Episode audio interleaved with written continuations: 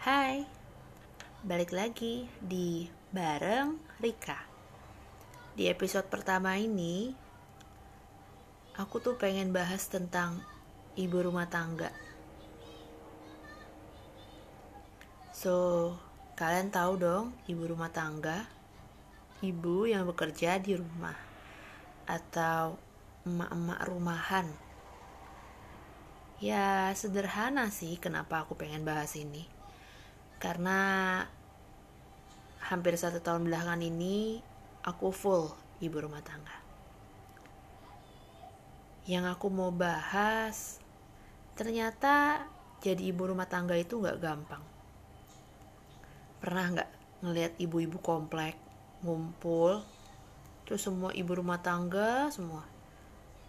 Dulu sih, aku mikir, wah enak nih di rumah ngumpul-ngumpul ibu-ibu ya di rumah kan kerjaannya ngapain ya?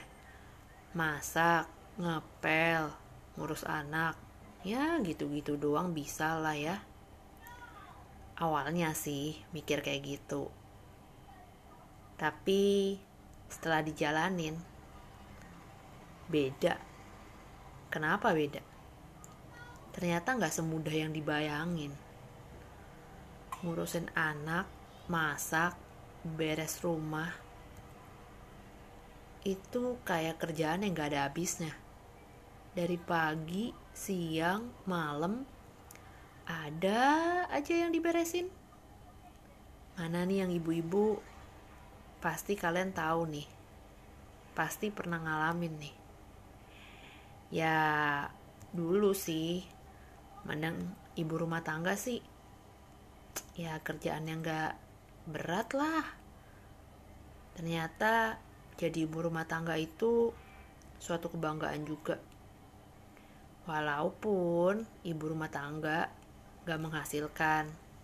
Eh tapi jangan salah sih, ibu rumah tangga sekarang juga banyak yang menghasilkan. Ada yang jualan, online shop, ada yang buka catering, jualan makanan, ada yang terima PO, dessert, banyak lah. Ibu-ibu zaman sekarang udah jauh lebih canggih. Udah bisa tuh pakai e-commerce, Tokopedia, Shopee. Mereka udah bisa cari penghasilan. Kalau dulu nih, ibu-ibu rumah tangga, kerjanya cuma di rumah. Mana ibu-ibu yang dulu, mama, tante, yang suka nonton sinetron siang-siang yang filmnya drama banget. Nah, kalau ibu-ibu sekarang udah beda. Karena kenapa? Perubahan zaman. Sekarang pasti lebih produktif. Walaupun mereka nggak kerja kantoran. Ibu-ibu rumah tangga sekarang lebih kritis. Mereka akan mikir gimana caranya supaya bantuin nih perekonomian keluarga, bantuin suami. Tapi ada juga loh yang cuman di rumah nggak punya waktu untuk buat ini itu. Kenapa? Ya karena setiap orang beda. Kalau si ibu A bisa aja tuh jualan sambil urus anak. Tapi itu nggak berlaku sama ibu B setiap orang punya kapasitas dan kemampuan kan? So jadi inget dulu masih kecil. Pernah ngeliat mamanya temen itu wanita karir. Bukan ibu rumah tangga ya bukan di rumah. Mikirnya sih wah ibunya sibuk terus nih nggak keurus anak. Ya nggak apa-apa. Toh anak dia hidup juga pilihan. Tapi yang aku pengen kasih tahu sebenarnya bukan masalah jadi ibu rumah tangga jadi wanita uh, wanita karir. Itu mah kan pilihan pasti ada konsekuensinya. Sekalipun nih kamu nyesel sama pilihan kamu. Contoh misalnya nyesel nih kenapa nggak dari dulu? Berhenti kerja ya nikmatin aja. Pasti kan ada cerita tuh nanti ada hal yang bisa dibagikan nanti. Ya bukan sekarang. Mungkin sekarang gak enak.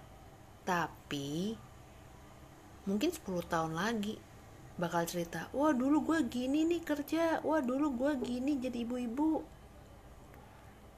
Untuk semua ibu-ibu rumah tangga housewife mama-mama muda mama-mama tua tante ya pokoknya siapa aja lah yang pernah jadi ibu rumah tangga. Kalian patut bersyukur. Karena nggak semua orang bisa ngalamin ngurusin rumah bisa tidur siang mungkin atau ya ada kebahagiaan sendiri jadi ibu rumah tangga. Lihat rumah beres tumpukan baju udah digosok lantai udah dipel, nikmatin aja. Jangan sedih kalau jadi ibu rumah tangga. Harus bangga. Kenapa? Karena kita pahlawan rumah. Kalau nggak ada ibu rumah tangga, wah hancur tuh rumah pasti. Yang udah kerja tetap jadi ibu rumah tangga, pulang kan tetap beres-beres, ya. So, itu aja sih Congratulations buat semua ibu rumah tangga, termasuk ibu yang bekerja juga, karena kita sudah kontribusi untuk rumah kita dan keluarga kita. So,